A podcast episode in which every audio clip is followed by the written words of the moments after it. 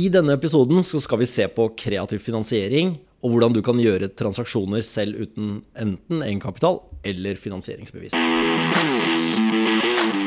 Hjertelig velkommen til Eiendomskoden. Mitt navn er Rajiv Lihar, og sammen med teamet mitt arbeider vi hver eneste dag med å hjelpe folk med å sette fart på eiendomsreisen sin. Om du ønsker hjelp på veien, så kan du gå inn på eiendomskoden.no slash podkast for å booke en helt gratis rådgivningssamtale med enten meg eller en av mine rådgivere.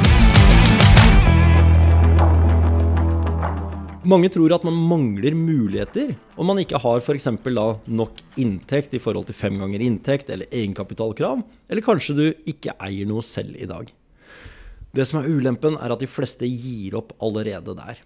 Her kan man tenke utenfor boksen, og kanskje utradisjonelt for de fleste. Har du kanskje tenkt at du ikke når fram enten økonomisk, finansielt, eller at du faktisk bare undersøker og undersøker transaksjoner, og det er ingen av de som går igjennom?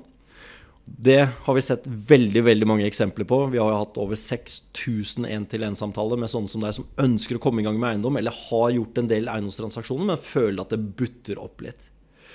Og det som er ulempen, er å gi opp før man kanskje har undersøkt hvordan andre har lykkes, og spurt kanskje hvordan de har gjennomført transaksjon, selv uten egenkapital eller finansieringsbevis eller nok eiendomserfaring. En annen ting er at er nødt til å tidvis komme seg ut av komfortsonen.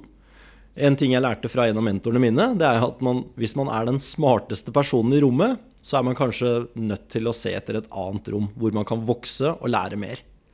Det andre som kanskje hindrer, det er handlingskraften eller gjennomføringsevnen. Det krever selvdisiplin, og derfor er det veldig viktig å vite hvorfor skal man drive med eiendom, og hva er målsetningen, sånn at man ikke gir opp ved første motbakke.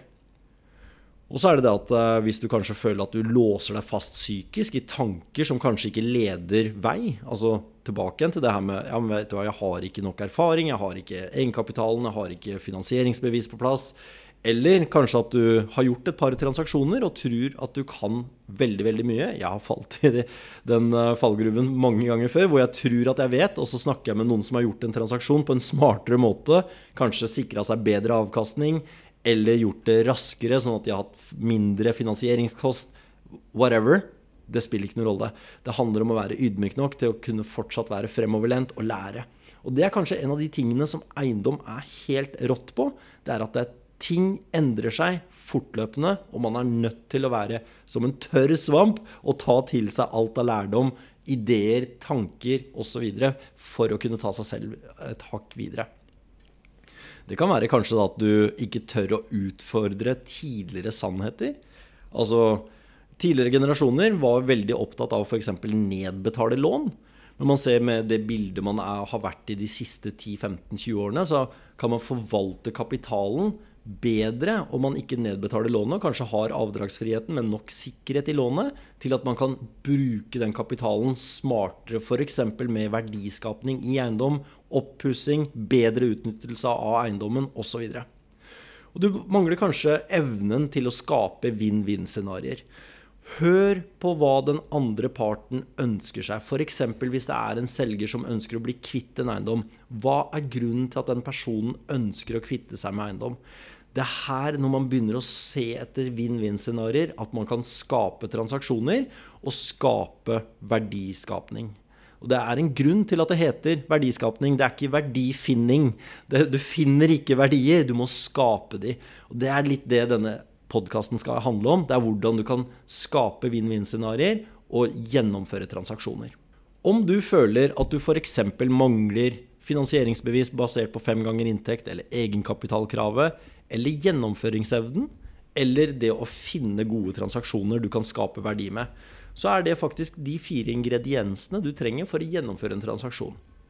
Og det jeg pleier å si, er jo da veldig ofte hvis du mangler f.eks. finansieringsbevis, men du har kanskje egenkapitalen, du har gjennomføringsevnen og du har tilgang på gode transaksjoner, så har du kanskje et lite handikap i finansieringsbevis. Det vil si at du må jobbe litt hardere på de tingene du har tilgang på eller besitter av erfaring eller kompetanse. På samme måte som at du kan ha kanskje en liten handikap ved at du ser litt dårlig. Ja, Hvis du ser dårlig, da må du høre, smake, lukte bedre med de andre sansene som funker. Jeg har vært i scenarioer hvor jeg både har mangla finansieringsbevis, jeg har ikke hatt nok egenkapital, og manglet erfaring eller kunnskap eller kompetanse på gjennomføringsevne. Men jeg klarte å se etter gode eiendomsprosjekter som man kunne skape gode verdier ifra. På den måten så jobba jeg ekstra hardt med å skape gode transaksjoner, og fant meg da partnere som kanskje hadde finansieringsbeviset eller hadde egenkapitalkravet, og på den måten kunne dele da fortjenesten i andre enden. De eiendommene sto aldri i mitt navn. De eiendommene sto aldri på min skattemelding eller i et av selskapene mine. Det sto på den personen som hadde finansieringsbeviset, som på papiret kjøpte eiendommen. Men så var vi kanskje to-tre stykker som gjennomførte transaksjonen. Én kom med egenkapitalkravet, den andre hadde finansieringsbeviset, og den tredje hadde gjennomføringsevnen, og den fjerde hadde kanskje eiendommen som vi kunne skape verdi på. På den måten så klarte jeg å få et bein innafor eiendom uten å nødvendigvis måtte eie. Kanskje det er en holdning som du også må jobbe med. Jeg måtte veldig jobbe med det. Nettopp fordi at eh, jeg trodde at man måtte eie for å tjene penger på eiendom. Og nå som jeg ser at det ikke nødvendigvis er kravet lenger, og tilbake igjen til målsetning, altså hvorfor ønsker du å drive med eiendom? Er det fordi at du ønsker å bygge deg opp passiv inntekt, eller ønsker du å skape verdier som du kan monetize i slutten av, av transaksjonen, f.eks. ved å utvikle en eiendom? Så spiller det egentlig ikke noe rolle om du eier den eller ikke, så lenge sluttmålet blir nådd.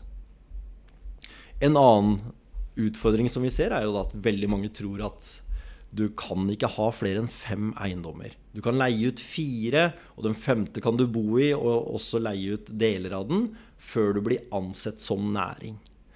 Eneste forskjellen på det er skattesatsen. Du kan eie så mange eiendommer du orker. Det eneste er at du blir ansett som næringsdrivende basert på den fem eiendomsregelen. Eller det er egentlig ikke en regel, det er bare en tommelfingerregel som skattemyndighetene bruker til å evaluere om du er såpass omfattende virksomhet til at du blir ansett som næring. Som sagt, det er en tommelfingerregel. Det kommer helt an på hvilken kommune du er i, hvilken skattekonsulent som gjennomgår transaksjonene dine. Det kan være at du driver såpass hyppig utleie, f.eks. med korttidsutleie, at du blir ansett som næring allerede med én transaksjon. Så det her er veldig forskjellig fra sted til sted og transaksjon til transaksjon. Én løsning på det hvis du skal leve av eiendom, og du ønsker å satse på eiendom, det er jo faktisk å begynne å bygge opp en track record i et aksjeselskap, f.eks. Og eneste forskjellen, som sagt, det er igjen kun antall eiendommer og skattesatsen. Nå bor vi i Norge hvor skattesatsen er veldig lav fordi utleie blir ansett som kapitalinntekt. Og med det så fører det med seg at du har enklere mulighet til å leve av eiendom og utleie privat, nettopp fordi at skattesatsen er forholdsvis lav sammenligna med å f.eks. drive et aksjeselskap. Men skal du bygge portefølje, skal du leve av eiendom i større skala, gjøre flere transaksjoner, så er fordelen med å drive aksjeselskap at aksjeselskapets likviditet og investeringscase er det som baseres på eventuelt lånesøknaden, ikke nødvendigvis din private inntekt.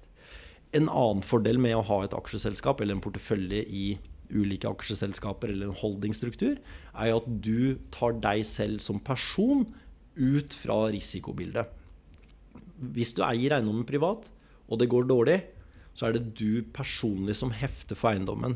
I et aksjeselskap så er det aksjeselskapet som er ansvarlig. Med andre ord så får du litt mer avstand fra det risikobildet som deg som privatperson.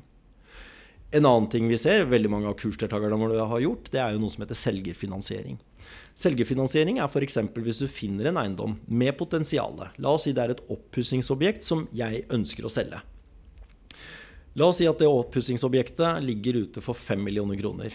Men du som en erfaren investor eller som en kreativ eh, investor ser at hvis den eiendommen hadde vært pusset opp, så kunne man ha solgt den for 7 millioner kroner.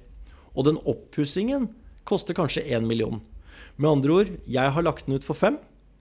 Men la oss si du kommer til meg og sier Vet du hva, Rajiv? Kan ikke jeg gjennomføre en verdiskapning på den eiendommen? Og så deler vi alt det som er over det vi har brukt på eiendommen i oppussing. Så la oss si de bruker 1 million kroner. Da har vi totalt 6 millioner kroner. Vi selger den for 7, og så deler vi 500 000. Med andre ord så har du aldri eid den eiendommen. Du har gjort en finansiering basert på at jeg har latt deg låne eiendommen til verdiskapning, og så deler vi. Jeg har tjent 500 000 ekstra, og du har tjent 500 000 ekstra. Det er en måte å se det på. En annen måte med selgerfinansiering er jo sånn som en av kursdeltakerne våre gjorde. Han fikk 85 eh, belåning hos banken og manglet da siste egenkapitalkravet. Selgeren var interessert i å selge eiendommen så fort som mulig og flytte til Spania. For å gjennomføre transaksjonen raskest mulig så inngikk da kjøper en avtale med selger om at det egenkapitalkravet på 15% ble nedbetalt over en periode på 12 måneder. På den måten så fikk de gjennomført transaksjonen, og han brukte da husleia i 12 måneder på å nedbetale 15% som var da egenkapitalen, til selger, og på den måten satt igjen med en eiendom uten egenkapital fordi han hadde finansiering på plass og ble kun nedbetalt av husleia. En annen måte man kan gjøre det på, er jo som jeg var litt inne på i stad, med partnerskap. hvor du har f.eks. to eller tre partnere som har hvert sitt Altså en sitter med kanskje finansieringsbevis, en med egenkapitalkrav, en med gjennomføringsevne, og så deler man da enten likt eller basert på inngangssummen eller det man har lagt inn i prosjektet. Man kan også drive med fremleie. Det er f.eks. at du leier en leilighet fra meg, eller at jeg leier av deg. Si for 10 000 kroner i måneden. Og så pusser jeg den opp, eller maler om, legger inn god styling, lager god utleieannonse, og på den måten kanskje kan leie den ut for si 3000 kroner i måneden. På den måten så leier jeg av deg, eller du leier av meg, for 10 000, og vi leier den videre ut til 3000, og sitter jeg med en fortjeneste på 3000 kroner. Det er ikke all verdens, men hvis man gjør det en gang til, og kanskje en gang til, og kanskje en gang til, så har man plutselig 12 000 i måneden. Man kan også drive med forvaltning, dvs. Si at du hjelper huseier til å forvalte eiendommen. Dvs. Si at du organiserer alt av utleie, innflytning, utflytning, kontrakter, eventuelt skader, depositum etc. Men leia går direkte til huseier, og så får du en prosentandel av den eh, husleien per måned. Igjen så eier ikke du nødvendigvis eiendommen, men du har fortsatt tilgang på en kontantstrøm. I veldig mange tilfeller så har jeg vært den minste i gruppen av et partnerskap. Dvs. Si at jeg har jobba ekstra hardt. Jeg har hatt handikap f.eks. på større transaksjoner hvor jeg ikke har hatt enten finansieringen eller egenkapitalkravet. Men jeg har hatt arbeidsviljen. Jeg er villig til å brette opp armene og gjøre jobben og kanskje gjennomføre en transaksjon. På den måten så kan man legge inn noe som heter sweat equity, altså svette. Du jobber for din posisjon i det partnerskapet. Har du f.eks. gjennomføringsevne, eller du er kanskje god til å analysere og lage gode investeringscaser, på den måten så kan du connecte en med finansiering og connecte en med egenkapitalen, men at du strukturerer transaksjonen og får kanskje en prosent eller en halv prosent eller to prosent av eiendommens skal vi si, eller transaksjonens profitt i bakenden, så er du fortsatt med på transaksjonen på en eller annen måte. Igjen, du trenger ikke nødvendigvis å måtte eie. En annen fordel, jeg var jo nettopp inne på det, det er investeringscase. Veldig ofte så ser man det at folk kommer med bare løse tanker og ideer på hvordan man skal gjennomføre en transaksjon, og hva man kan sitte igjen med det. Lager man et investeringscase, se på det som en forretningscase eller businesscase, men det er et investeringscase. I det investeringscaset så har man gjerne med hva eiendommen skal bli solgt for, hvor mye går eiendommer for i det området med tilsvarende standard. Hva har du tenkt til å gjøre som er verdiskapningen i det? Skal du reforhandle reiekontrakter og på den måten øke verdien? Skal du pusse opp? Skal du seksjonere? Eller skal du utvikle eiendommen? Hvor mye trenger du av enten ekstra egenkapital eller finansiering? Hvor lenge trenger du å låne egenkapitalen eller finansieringen? Hva slags risikoer har man i den transaksjonen? Altså hva er nedsiden? Er det sånn at eh, en risiko kan være at du ønsker å leie den ut, men plutselig så endrer markedet seg, og at det er lavere leie enn det du kanskje tenkte deg? Er det dyrere finansieringskost? Tar det lengre tid å gjennomføre verdiøkningen? Og alltid, jeg understreker alltid, så vil det være en risiko i enhver transaksjon. Din jobb som en eiendomsinvestor er å påpeke de og finne ut av hva slags risiko det er. Hvis du kommer til en tradisjonell eller en profesjonell aktør eller en investor eller bank og sier at det ikke finnes noe risiko overhodet, da kan jeg med sikkerhet garantere deg at de blir mer skeptiske enn om du faktisk påpeker alle risikoscenarioene. Jo mer fokus du har på risiko, og på hvordan du skal håndtere risikoen, desto mer tillit får du fra en profesjonell investor eller en bank eller forsikringsselskap eller en megler. Fordi da viser du at du har lagt både tid og energi i å finne ut av hva som kan gå gærent. Eiendom er som alt annet. Det som kan gå gærent, går som oftest gærent. Men her handler det om hvordan du har tenkt å håndtere de risikofaktorene. Og så er det jo igjen å definere hva du har tenkt til å gjøre. Kanskje lage skisser på hvordan du har tenkt til å utvikle eiendommen, eller skape den verdiøkningen som vi snakker om. Og verdiøkning i seg selv, når du tilfører eiendommen verdi, så håndterer du også avkastningen. Du belager deg ikke rent helt og holden på hvordan markedet går. Hvis du f.eks. pusser opp, så har du fysisk tilført eiendommen verdi. Og da, la oss si du har økt eiendommen med 20% i verdi, og markedet går ned med 19 så har du fortsatt tjent 1% hvis, Istedenfor å være helt passiv og ikke skape verdi. Det siste, som kanskje er det viktigste når du jobber med et investeringscase, det er å ha tre ulike scenarioer. Ha alltid worst case scenario, ikke pynte på tallene. Og så har du en best case scenario, og så har du en most likely case scenario. Det jeg pleier å si, er at gå for worst case scenario. Hvis det fortsatt er interessant, da går du videre inn og analyserer eiendommen. Men aldri belag deg kun på best case scenario. Det her er faktisk alle punktene som jeg vanligvis har i et investeringscase. Om det så er en transaksjon til en halv million kroner, eller 50 millioner, eller en halv milliard, spiller ikke noen rolle. Men det her viser at du skiller deg ut fra mannen i gata. Altså alle i Norge ønsker å kjøpe en eiendom de kan leie ut eller utvikle. Men det handler om at du skal skille deg ut fra mannen i gata og være som en profesjonell aktør.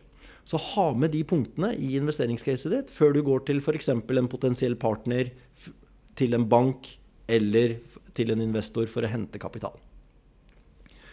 Det som er litt interessant med kreativ finansiering, det er jo at man vet ikke det man ikke vet. Jeg har veldig ofte trodd at jeg vet ting, og så vet jeg det ikke likevel, fram til jeg hører en person som har gjennomført en transaksjon og løst det på en annen måte. Så ha et åpent sinn. Vær fremoverlent. Vær sulten på å lære mer. Vær sulten på å finne flere partnere, lære av andre som har gjort det før deg. Og tenk litt på det her med hvordan du kan skape gode vinn-vinn-scenarioer. Med vinn-vinn-scenarioer så kan du kanskje få igjennom en selgefinansiering eller partnerskap eller fremleie eller forvaltning. Og ikke glem at man kan skape f.eks. opsjoner. Det vil si at du kanskje har funnet en, eh, en eiendom som har utviklingspotensial, f.eks. med å skille ut en tomt. Da kan man gå inn og lage en opsjonsavtale med huseier og si at vet du hva, hvis jeg kan få igjennom en rammetillatelse eller igangsettingstillatelse på den delen av tomta som er utviklingsklar, så kan vi dele på den profitten, eller eventuelt at du kjøper den eiendommen etter at rammetillatelsen er godkjent. På den måten så har ikke du lagt ut noe penger. Kanskje du har en liten opsjonspremie, men i utgangspunktet så har du ikke kjøpt eiendommen før du vet at verdiøkning eller verdiskapningen kan faktisk gjennomføres ved, i form av at rammetillatelsen er godkjent. Tilbake igjen til kanskje det aller, aller viktigste. Er man den smarteste personen i rommet, så er man nødt til å bytte et rom for å selv kunne vokse, både mentalt, men også i forhold til erfaring og kompetanse. Da er vi på veis ende i denne episoden. Og du, håper du tar med deg læringspunktene og jobber deg videre med å få sette det ut i livet. Ikke glem å abonnere på der du lytter på podkaster, og legg gjerne igjen en kommentar og en rating. Det hjelper oss nemlig til å nå ut til flere, sånn at vi kan hjelpe enda flere mennesker inn på eiendomsmarkedet, eller til å bygge den eiendomsreisen enda mer stabilt. Og ikke glem at du kan få en gratis rådgivningssamtale hvis du går inn på eiendomskoden.no slash podkast. Til vi høres igjen, ha en fantastisk herlig dag videre.